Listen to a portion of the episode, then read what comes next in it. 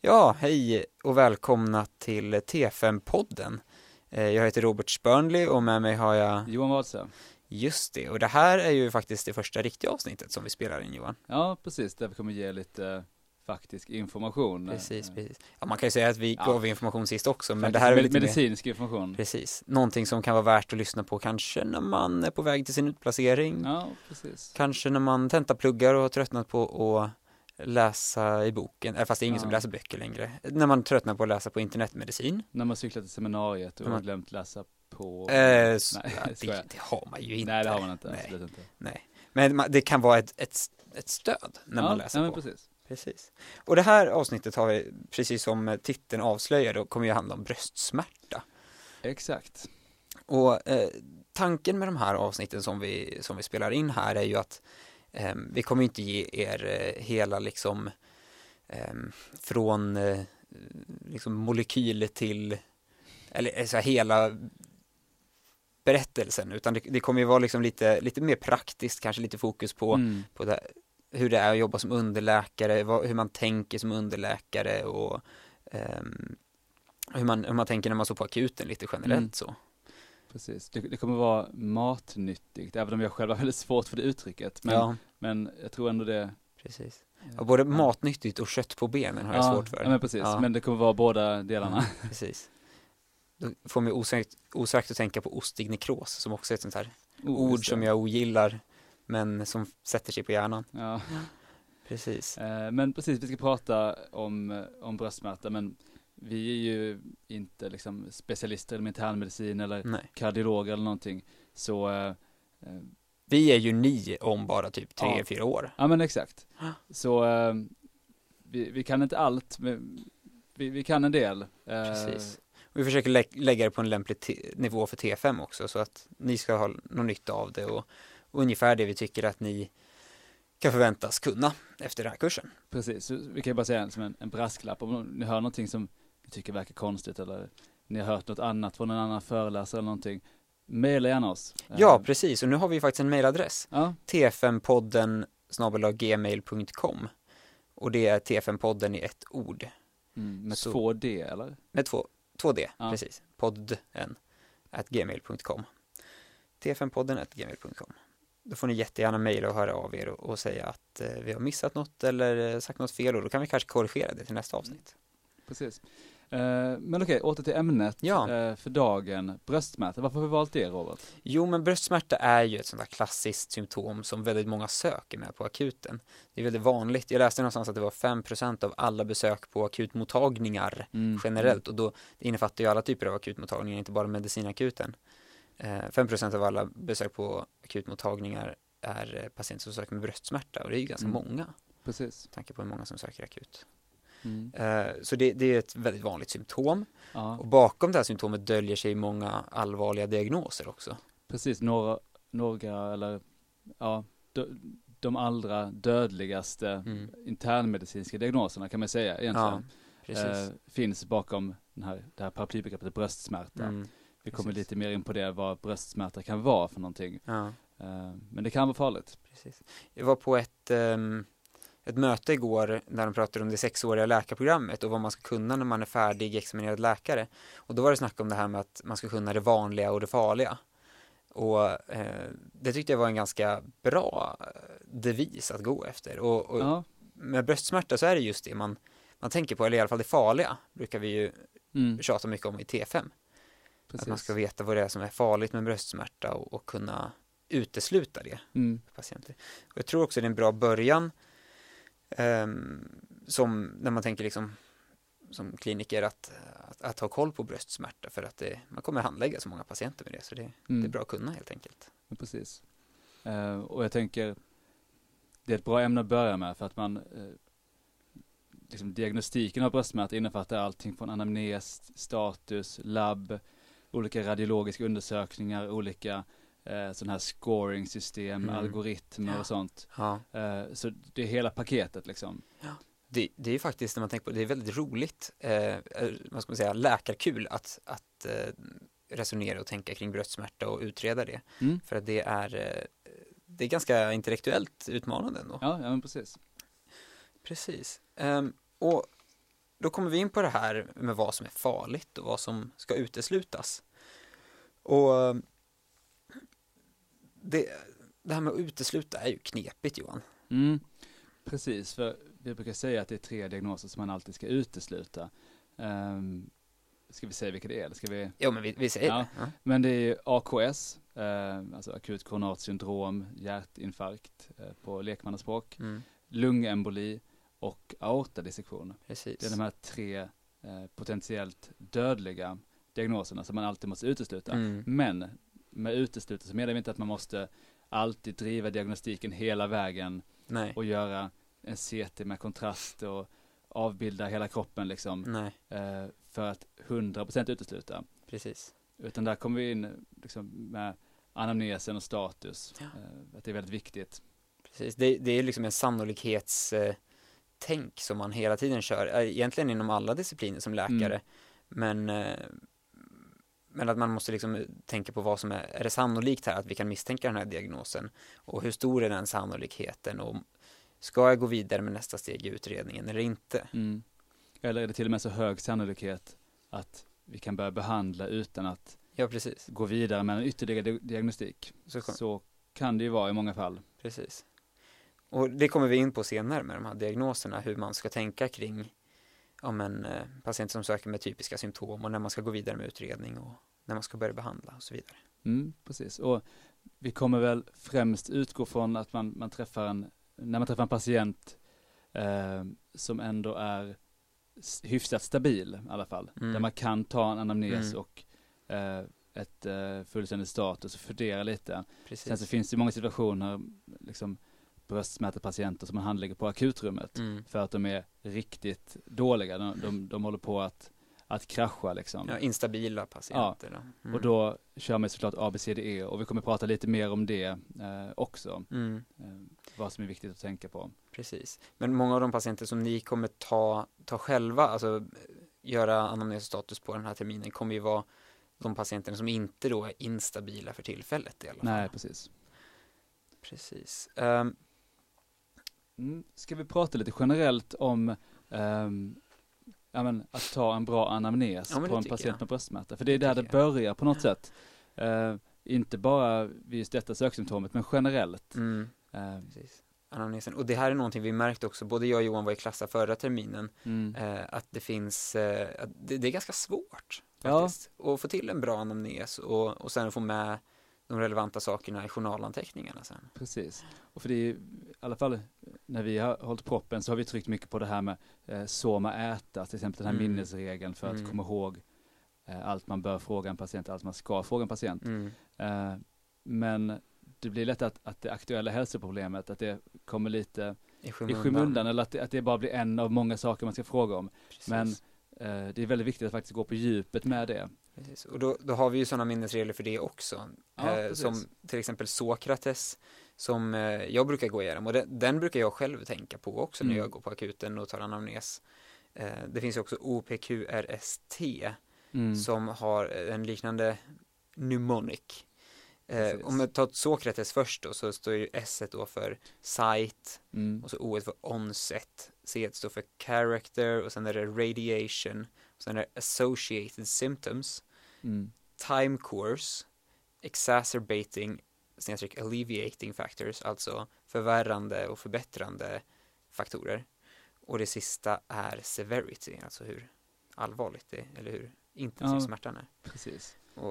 Kan du OPQRST utan till Johan? Eh, inte riktigt, för jag lärde mig också Sokrates under proppen på T5 och det fastnade. Men, men jag tror att OPKRST det är typ Onset, titta jag har det nedskrivet här. och kanske palliation där, P, vad som Ehm, lindrar. nej, position Inte. är det. Position. Så det är onset position, quality, alltså Eh, typ av smärta. Ja, Eh, motsvarande character i Ja, Sokrates. Precis. Radiation, eh, severity och time på den då. Och det, Mm. de motsvarar ungefär varandra helt enkelt. Precis. Man kan använda vilken som helst av de här egentligen. Eh, och en annan grej under den här eh, aktuellt anamnesen, det är ju som jag brukar pressa mycket på, det är det här med eh, tidsförloppet. Mm. Och att, att det kan bli ganska rörigt när man tar anamnes ibland. För patienten liksom kommer att tänka på andra saker och väver in andra egna tankar och sådär. Och då är det, det finns en, ett verktyg som jag tycker väldigt mycket om och det är det här med sammanfatta. Mm. Att, att när man låtit patienten säga sitt, att man då kör en sammanfattning. Ja, men bara så jag fått, eh, fått, eh, inte fått något om bakfoten här. Var det så att det började för eh, två timmar sedan med akut isättande bröstsmärta som sedan eh, klingade av under de här två timmarna och nu känns det nästan inte alls. Till exempel. Precis. Eh, och då kan ju patienten förstås flika in och säga nej men så var det inte eller jo men det, du har förstått det rätt. Mm, mm. Och rätta när man har fel. Precis. Och så det här med eh, eh, med resten av anamnesen då, för nu gick vi igenom lite aktuellt här då. Mm, Resten av är ju också viktig. Superviktig och Mm. vi kommer komma in lite på det sen till exempel vad gäller AKS, att eh, riskfaktorer för Mm. sjukdomar. Och hela den här egentligen, eh, vad man på engelska kallar för pre-test probability eller Mm. liksom, ja men sannolikhetsbedömningen för en viss diagnos, Mm. den bygger ju på vad patienten har för riskfaktorer Precis, eh, innan man gör alla tester liksom. precis. Har man en patient eh, som söker med bröstsmärta och röker, har tung ärftlighet eh, och liksom massa andra riskfaktorer, diabetes, då har de ju en högre risk för att faktiskt ha en allvarlig sjukdom Mm. Mm. kontra en patient som kanske är i samma ålder, liknande symptom men Mm. inga riskfaktorer. Jag har ju gått vidare i min diagnostik med någon som, som inte liksom alls har några typiska symptom i, i Aktuellt men som hade en så pass stark hereditet för hjärtsjukdom att Mm. jag bara, men det här, jag kan inte släppa det här utan jag måste gå vidare. Ja. Trots att, trots att liksom eh, själva anamnesen på det aktuella inte talade alls för, för eh, Mm. AKS. Precis. Eh, och, och, där, och det här är också någonting som det känns som att man det lär man sig successivt eh, under klinterminerna. Att under preklin så lär man sig ta en generell anamnes och låta patienter prata och sådär. Mm. Sen så kommer man ju in på alla de här eh, symptomen, eh, eller vad säger jag, diagnoserna och så måste man liksom fråga utifrån det också och vara lite mer specifik och köra lite mer riktad anamnes Precis. från de, eh, de diagnoserna. Och det kommer man också lära sig efterhand. Mm. Ehm, Och här skulle jag vilja slå ett slag för att även om man inte vet riktigt vilka de typiska hjärtsviktsymptomen är så kan man eh, till exempel mm, så kan man ju alltid fråga eh, om lite generella sym- symptom. Och när det gäller bröstsmärta, eh, frågar patienten eh, liksom blivit illamående, varit kallsvettig, eh, sådana här generella liksom, mm, sjukdomssymptom. Ja. För det kanske inte patienten berättar själv och man kanske inte Precis. tänker på att det eh, ett typiskt bröst eller liksom eh, AKS-symptom. Men, eh. Och man, säger, man säger kanske det, om man tar en sån OPQRST eller Sokrates anamnes så säger man, ja, hade du några andra symptom i samband med det här? Men det kanske patienten inte kommer på själv att, "Ja, men just det, jag, jag kräktes ju faktiskt en gång. ja, det kan vara att de har glömt det för att de har så ont kanske just då eller någonting. Exakt. Så det kan vara bra att faktiskt specifikt, när man gett dem chansen att berätta själva, att man specifikt frågar efter vissa grejer. Mm. kan vara bra. Precis, och det är också, om man sen då eh, går, ja, kör igenom hela sin utredning och kommer fram till att det är nog ingenting allvarligt, patienten kan gå hem. Mm. Då kan man med gott samvete skriva i journalanteckningen, eh, liksom ingen feber, inget illamående, Mm. inget bla bla bla, inget det här. Och Precis. visa att jag har varit noggrann och frågat. Mm. Eh, skriver, man, skriver man inte det, då vet man ju inte om patienten inte har haft det eller om man inte har frågat. Exakt. Så det är också ett sätt att på något sätt visa att man har gjort sitt jobb ordentligt. Ja, ja men visst. Och det, och det är ju också att göra sitt jobb ordentligt. Ja, liksom. men exakt, Mm. exakt. Det är viktigt att både göra det och att visa att man gör det. Precis. Så med anamnesen då, använd de här eh, förkortningarna, Sokrates Mm. och OPQRST och ta en ordentlig anamnes med fokus på liksom, ja, andra riskfaktorer. Eh, Mm. Det är ju hereditet, det är tidigare sjukdomar, eh, det är eh, ja, medicinering, eh, Precis, och jag menar, livsstilsfaktorer. alla kanske inte har hört det här så med ätas. Nej, det kan Eh, vi gå igenom också. Ja, S står för sjukdomar, både liksom pågående, nuvarande Mm. sjukdomar och tidigare sjukdomar. Mm. O står för operationer. Eh, M står för mediciner, alltså läkemedel. Eh, och, och där är det viktigt att, att eh, ja, försöka gå till botten om man har lite Mm. tid på sig. Ja. Och inte, inte nöja sig med att det finns en gammal läkemedelslista i Cosmic och den säkert Precis. stämmer, för den stämmer säkert inte. Nej, man kan skriva ut den till och med gå igenom Ja. med patienten tillsammans, brukar Det- vara ett bra sätt. Jättebra, jättebra sätt. Mm. Eh, A står för allergier. Eh, ska man alltid fråga om. Mm. är ärftlighet. Det är Mm. superviktigt eh, vad gäller ja, men AKS till exempel. Mm, mm. Eh, ska vi se, vad är vi? T, tobak, eh, framförallt rökning då, stark riskfaktor för många Mm, sjukdomar. A, alkohol, mm. också en riskfaktor. Och S, socialt. Och Ja. där kan man baka in lite olika saker. Har man en äldre patient som, som kanske inte klarar sig lika bra hemma, då får man gå lite mer på djupet med Mm. det. Eh, har man en, en tidigare, menar, om man har en helt välfungerande patient som är arbetsför eh, och kanske jobbar heltid, då behöver man inte fråga om de har någon hemtjänst till exempel. Nej, man, man får precis. anpassa lite eh, nivån där.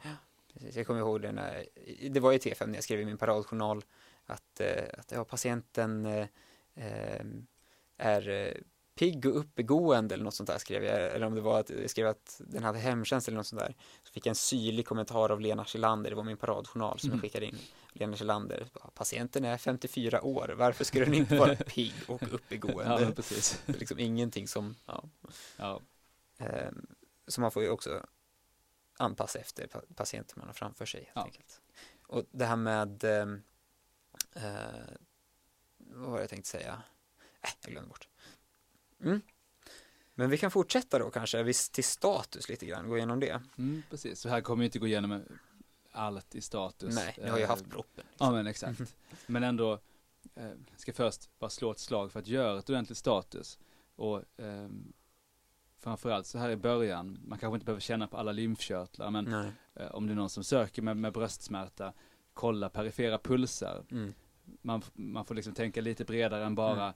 är det någonting på hjärtat? Mm. Eh, En patient som eh, sökte, som jag träffade förra veckan, som hade eh, sökte med bröstsmärta. mm, eh, som hade tidigare genomgången bröstcancer. Och, eh, och då gjorde jag ju liksom, palperade igenom brösten, kände på lymfkörtlar eh, i Mm, liksom alla lymfkörtellokaler och hela det där. För att då är det ju viktigt att, ja eh, att utesluta någon, något recidiv. Ja men det är sant. Så i Mm. sån situation är det ju väldigt relevant. Mm, så det beror jag också på. Men, Ja, men i, om man ska, grundinställningen om man ska säga, eh, vid bröstsmärta eh, behöver man ju kanske fokusera på vissa grejer. Och då är, är det förstås allmäntillståndet, Mm. eh, hjärtacirkulation, eh, lungstatus, bukstatus Mm. och så förstås underbenen brukar Exakt. vi vara noggranna med att man kollar på. Superviktigt. Men varför är underbenen så viktiga? Ja, jo men det, det har ju också ihop med cirkulationen förstås. Och det är ju eh, väldigt tydligt på, på patienter som har liksom ganska mycket hjärtsvikt. Att då samlar de på sig vätska i, i underbenen för att de Mm. har en bakåtsvikt och så. Så att det, det venösa återflödet sta- stasas och så, och så kommer vätskan ut i vävnaden då. Exakt. Och i, i underbenen så, man kan ju både se tecken på arteriell och venös eh, sjukdom och, och tromboembolism. Ja. Eh, som en DVT till exempel. Som ju kan ge lungemboli, vi kommer tillbaka till det senare. Men de börjar ju rätt så, alltså en DVT som ger lungemboli börjar ofta i, just i underbenen. Ja. Eh, man kan ju ha ventromboser på andra ställen, men Mm. underbenen är klassiskt. Mm. Eh, och eh, samma sak, någon som är, har kranskärlssjukdom, eh, ateroskleros i kranskärlen, kan säkert ha ja, men, dåliga artärer nere Mm. i benen också. Mm. Och få sådana här fönstertittarsjuka och Exakt, claudicatio. Precis, och sen så under T6 kommer ni gå igenom det här med, med arteriella proppar liksom. Mm. Men det, det är ett annat kapitel. Ja, vi berörde lite på angiologiseminariet också. Bra. Och lite fynd man kan göra då eh, är till exempel, eh, ja men eh, man kan se om någon är cyanotisk, det vill säga om Mm. de är liksom blåa om läppar centralt sådär. Eller om eh, fingrarna. Eh, man kan höra blåsljud på hjärtat om det finns Mm. någon eh, insufficiens eller stenos på klaffarna. Eh, kan man se om de fortleds över karotiderna. Man kan höra biljud, det vill säga gnidningsljud till exempel på hjärtat. Mm. Eh, Vad skulle det tala för? Ja, det skulle, det skulle då tala för en perikardit, det Ja, vill säga precis. en liten inflammation i hjärtsäcken. Mm. Och då kan det låta lite som eh, ja, gnidningsljud. Mm, lite så här gnissligt. Ja, gnissligt, som, är det inte som när man går på snö lite grann? Det sägs det. Ja, det sägs precis. det. Jag har inte hört det själv, men Nej, Mm. jag har hört en sån här inspelning bara. Eh, mm. som alltid brukar vara så högkvalitativ. Ja men precis. Eh, och sen när man kollar på, på underbenen för att Mm. återvända till det. Så det. där kan man ju se pittingödem såklart. Och pittingödem, alltså man kan ödem det är ju generellt svullnad liksom. Men Mm. pittingödem det är när det blir en kvarstående grop när man trycker bort den här vätskan. Mm. Eh, och och det, det talar ju eh, då för att man har ett eh, men ökat eh, vätskeläckage ut eh, i vävnaden. Ja. Ofta till följd av liksom, ökat venöst tryck Mm. för att hjärtat inte ork orkar Mm, pumpa ut det. precis. Eller om det är en propp i, inom ben. Ja, precis. Man, jag brukar förklara det som en, om, om man vet vad en tempurmadrass är. En Ja. sån här som man trycker ner handen och sen så är det kvar liksom en, Ja, en som är lite hård i början och sen så sjunker man in i det. det är en jättebra liknelse. Ja. Ehm, Och sen så, just det, när man kollar där så är det viktigt att, att se om det är pittingedem, om man har pittingedem, om det är på Mm. båda benen eller bara på ena benet. just det, och hur långt upp de sträcker sig. Precis. Mm. Ehm, Eh, bra.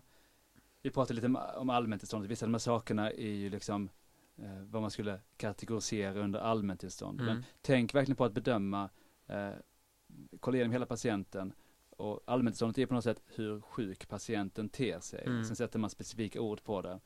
Eh, patienten eh, Patientens allmäntillstånd är nedsatt eller patienten verkar sjuk eftersom de har cyanos. mm, Eh, de har kraftiga pittingödem på båda, på båda benen. Eh, Samtalsdyspné. Precis. De måste så här, Mm. ja men, liksom, Ja, men precis. lite skådespeleri sådär. Ja, bra Ja. där. Bra där. Ja, och så eh, kan man se om de är tachypnoiska, alltså om de har tachypné, Ja, det är precis. snabb andningsfrekvens. Mm, Mm, när man ser på lungorna, då kan man ju höra hur andningsljuden låter, om det är en Mm. sidoskillnad. mm. Kanske kan vara nedsatt på ena sidan. Eh, Rassel och ronki kan man höra. precis. Eh, lite kan säga, sprakande eller eh, mer melodiska, Vinande. väsande, Ja, vinande ljud. Exakt, ni vet vad rasselronki är. Men, Ja, eh, precis. Men det är ändå lite så tyckte jag i T5 att man vet ju vad rassel och ronki är, men man kanske aldrig hade hört det. nej, Man har fått det sant. beskrivet för sig och Det kanske att någon föreläsare försökt imitera det, men man kanske aldrig har hört det själv. Men eh, ja, rassel är i alla fall det som man hör ofta kanske vid hjärtsvikt, vid lungödem Mm. eller vid en infektion, en pneumoni. Ehm, och det kan antingen bubbla lite grann eller knastra. Mm. Eh, och då skiljer man lite på blöta, alltså bubblande och, och eh, torra rassel Precis. som är de här knastrande. Och sen så kan man ju höra eh, ronki då, som är, ehm, ja det är ju svårt att beskriva förstås, Ja, men mer melodiskt eh, och låter kanske främst på ins- eh, ex- expiriet, Ja, så när man andas ut oftast. precis. Mm.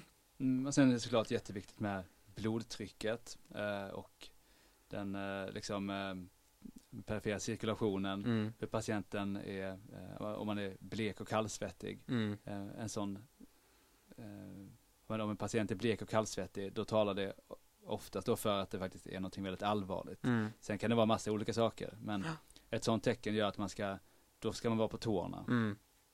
Precis.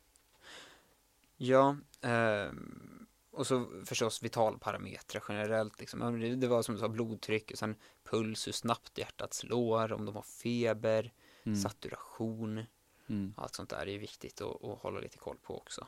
Och det låter så mycket när vi säger och ra- rabblar upp alla de här grejerna, vad man ska kolla på, hur det låter och sådär. Men allt det här, eh, eller mycket av det här är ju liksom en inspektionsfråga, någonting man ser när man talar med patienten och när man tittar på, på hudkostymen och undersöker patienten och lyssnar på hjärtat och sådär. Mycket av det här blir liksom en inspektion under tiden kan man säga. Ja, men precis. Så det tar inte så himla lång tid egentligen. Nej, Och, och många av de här grejerna märker man ju väldigt tydligt också när de är avvikande. Om det är någon som inte kan prata för att den är så andfådd, då märker man ju det. Liksom. ja men verkligen, verkligen. Yes. Ja, ska vi gå vidare till lite mer specifika undersökningar? Ja, det tycker jag. Och den liksom klassiska undersökningen vid bröstsmärta som man ska göra på alla patienter Mm. på akuten, det är ju EKG. Såklart. Yes. Och det går vi inte igenom så noga här, utan man tar ett EKG och sen så ser man vad det visar helt enkelt. Det Ja. kan ge jättemycket information. Precis, och man tolkar det ordentligt. Mm. För att eh, när det gäller till exempel NSTM, alltså icke ST-höjningsinfarkt, Mm. då är det ju faktiskt väldigt små ST-sänkningar som, eh, som kan vara signifikanta. Precis. Så man, det gäller att man är noggrann och är man osäker, då ska man snacka med någon som är mer erfaren. Ja, Eh, er handledare bör ju bedöma alla EKG. Ja, ja, självklart. terminen. självklart. Men Mm. du kommer märka att ibland så kommer handledaren rådfråga kardiologen. Mm. Vad Är det här någonting? Och hmm, Mm. liksom, det är inte alltid helt lätt med alltså EKG-tolkning och man, man får eh, vara noggrann. Precis. Mm. Men det är ganska roligt tycker jag. Det är jättekul. Mm. Yes. Ehm, och sen så kan man också göra hjärteko. Ja, precis. Eh, under det här stroke-seminariet som, som vi haft så eh, jag har liksom omväxlande använt olika ord för hjärteko. Mm. Så jag tänker, nu kan jag bara säga alla synonymer för hjärteko. Ja, Eh, vi har eh, till exempel hjärteko, hjärtultraljud. Eh, vi har TTE eller transtorakal ekokardiografi. mm. Det betyder att man gör det genom bröstkorgen. Det finns även TEE, då det är transesofagal, alltså man kollar via matstrupen. Eh, det måste man göra om man misstänker endokardit till exempel. Mm, och ekokardiografi, eh, det är samma sak som hjärteko eller ultraljud. Mm. Mm. Bra. Eh, övriga undersökningar vi har är ju vanlig lungröntgen. Ja, Eh, som kan vara otroligt hjälpsam i diagnostiken. Enkel undersökning, går snabbt. Billigt, precis. tror jag. Jag tror det är billigt och det är inte så mycket strålning heller. Nej, det är bra. Det är bara en bild till skillnad från DT som är väldigt många. Ja. DT kan man ju också göra förstås. Mm. Och då är det främst, vid bröstsmärta är det oftast thorax man undersöker med DT. ja, precis. Och då kan man göra det med kontrast. Ja. Eh, det behöver man göra i vissa fall. Vi kommer komma Mm. tillbaka till det. Men, mm. eh. Och kontrast, då sprutar man ju in eh, kontrastmedel eh, intravenöst och så, och så tar man bilder medan det går genom eh, vävnaderna. ja, och Eh, genom det- kärlen. Genom, genom Men när kärlen. det gäller eh, lungemboli och aortadissektion, Mm. eh, som är ju två Mm. farliga som vi kommer ta Mm. upp. Eh, och eh, just det, koronarangiografi kan vi ta några Mm. ord också om. Det går ni inte igenom så mycket tror jag. Nej, Och det är ju eh, när man tar eh, väldigt många röntgenbilder i rad samtidigt som man sprutar röntgenkontrast lokalt i kranskärlen i hjärtat. mm. Så tänker att man har i princip en filmkamera fast i en röntgen, Mm. röntgenkamera då. Samtidigt som du sprutar kontrast och då får man, får man upp liksom hur, hur den här kontrasten sprider sig i kranskärlen och då kan man upptäcka eventuella proppar precis. där det är liksom förtätningar i kranskärlen Mm. och se då om man kan göra någonting åt det. Man kan gå in och ballongspränga till exempel, Ja. sätta ett stent. Ja, precis. Eh, ultraljud kan man också göra. Ja, Dels av hjärtat som vi gick igenom, men man kan också göra på andra ställen. Eh, på, man kan ultraljuda njurar och Ja. lever och allt möjligt. och lungan. Man, Kan, Lungan. man kan kolla om det finns pleuravätska eller om man har en pneumotorax till exempel. Just det. Det kommer vi gå igenom mer på här, eh, under seminarieveckan. Mm. Det här eh, FATE-protokollet. Precis. Mm. Ja men så det är vad vi har i vår arsenal vad gäller undersökningar, främst bilddiagnostik då. Mm. Sen har vi ju blodprover också. Precis. Det är superviktigt. Och vilket blodprov skulle du säga är viktigast i bröstsmärtediagnostiken? Det är svårt, men jag skulle nog säga troponin. Jag skulle nog också säga det. Mm. Precis. Troponin är ju en, en hjärtspecifik markör. Det, det är ett ämne som finns i alla myocyter och ni har gått igenom det. Det har ju att göra med de här, jag kommer inte ihåg den exakta eh, var det, är det, det hamnar någonstans, men det är ju när de här muskeltrådarna drar ihop sig. Ja, det låter ju väldigt När professionellt. känner kliniker ska snacka jag. ja, men, ja. ja, men då är det något så här, troponin flyttar på sig, så kommer en kalciumjon och binder in Ja, och det ja. det sjätte. Hur som helst, eh, så, så kan man mäta det i blodet och om det finns detekterbart troponin i blodet, då vet man att eh, muskel, eller my, myocyterna har tagit skada. Precis. Kardiomyocyterna ska vi säga, för det är hjärtspecifikt. Det finns ju andra som man använde tidigare, eh, CK och sånt, som är som alla muskelceller, men troponin är ju hjärtspecifikt. Just det, Så därför är det ja, men, precis. extra bra. precis. Och det finns väldigt känsliga metoder för att mäta det här på Mm. nu också, så man kan upptäcka väldigt små skador. Precis. Eh, och sen så har vi ju kan vi säga baspaketet, Mm. inte bara vid bröstmätaren utan vid de flesta tillstånden. Det som man kastar på de flesta patienter Ja. som kommer in. Eh, och det är blodstatus, Mm. man kollar på eh, HB, eh, trombocyter, leukocyter Mm. eh, och sen så kan man ju bredda det lite. Mm. Ehm, eh, men ofta så räcker de Det är de tre tre man rätt så kollar bra. främst. liksom. Ja. liksom. Eh, och där kan man ju upptäcka infektioner på steget LPK, en Mm. anemi som ju kan, eh, man kan må riktigt risigt av lågt Verkligen. blodvärde. Verkligen. Eh, och det kan faktiskt utlösa hjärtinfarkt om man har väldigt lågt Mm. blodvärde. Mm. Mm. Som man kallar för typ 2 infarkter. Ja. Då. Det kommer vi inte beröra så Nej. mycket mer, men ja. Precis. Och så um, uh, utöver det har vi ju elstatus. Titta på, um, på natrium och kalium Mm. och klor ja. bland annat. Och se om det Precis. finns några rubbningar där. Det brukar man också, brukar också vara viktigt att, Mm. att se. Till exempel eh, högt eller lågt kalium kan ju utlösa arytmier på hjärtat. Exakt. Mm. Eh, och eh, man tar ju ofta, eller alltid, eh, ett kreatinin också Mm. och kollar njurfunktionen. Och det, det är viktigt för att eh, många av de här undersökningarna, framförallt, eh, eller ja, enbart då kanske DT thorax med kontrast, de, av, de som vi nämnde, den eh, är beroende av njurfunktionen. Har man Mm. väldigt dålig njurfunktion så är det lite riskfyllt. Coronara angio också. Just det, såklart. Ja. Precis. Eh, vi har eh, BNP. Mm. Och vi, vill du säga något om BNP där Johan? ja, men precis. Det Vad är är, det är ett nat, en natriuretisk peptid. Mm. väl. Det, alltså det utsöndras ur eh, hjärtats kam, kamrar Mm. eh, när de fylls ordentligt. Mm. Så ehm, eh, det, det är liksom en markör för hjärtsvikt. För vid hjärtsvikt så har man ökade fyllnadstryck. Precis. Eh, Ofta dilaterade kamrar. ja men precis, de tänjs ut. Och det, vi ska inte prata om definitionen av hjärtsvikt men eh, vi, kan, vi kan alla fall konstatera att man har ofta då förhöjda fyllnadstryck. Mm. Mm. Eh, och har man ett, alltså, det är svårt att värdera BNP, alltså det, det kan vara väldigt högt. Mm. Eh, men man kan använda det för att lite följa en hjärtsviktspatient. Precis. Så hur, hur pass övervätskade de är. Och det är ju väldigt många som eh, både är inneliggande på sjukhuset och som kommer till akuten som har hjärtsvikt sedan Mm. tidigare. Så det kan vara bra att ta BNP på de Precis. patienterna. Eh, och sen så några ord också om eh, artärgas. Eh, och det ska man ju ta vid alla B och C-problem. Eller det är indicerat vid alla B och C-problem. Mm. Eh, så kan, man, så kan man ta en artärgas. Nu gör man inte det på alla som söker med bröstsmärta som är stabila. Utan det är kanske snarare på instabila patienter man använder det mest. Exakt. Men eh, till exempel patienter som, som har både dyspné och bröstsmärta, då skulle nog kunna Mm, ta en artärgas för att se hur det ligger till där. Verkligen. Och det har ni ju ett seminarium i, så det ska vi inte orda så mycket om heller. Eh, och sen så har vi det här D-dimer som Ja. är ett eh, Omtvistat. lurigt prov, omtvistat, eh, men hjälpsamt i många situationer. Ja. Framförallt för att utesluta sjukdomar. Och vi kommer komma tillbaka till det sen, både eh, vad gäller lungemboli men även faktiskt aortadissektion. Mm. Så vi säger inte så mycket mer om det nu. Nej. Eh, kan ju nämna CRP också. Ja, Eh, man kan ju få bröstsmärta av många infektiösa orsaker. precis. Dels i lungorna, eh, pneumonier och pleuriter Mm. eh, som kan vara infektiöst orsakade. Mm. Men även inf- alltså infektioner och inflammationer i, i hjärtat, Precis. hjärtmuskeln, hjärtsäcken. Vi pratade om tidigare där, perikardit men också myokardit. Ibland Ja. kallar man det för perimyokardit. Precis. När man inte riktigt vet vilket det är eller om det är i båda. Ja, exakt.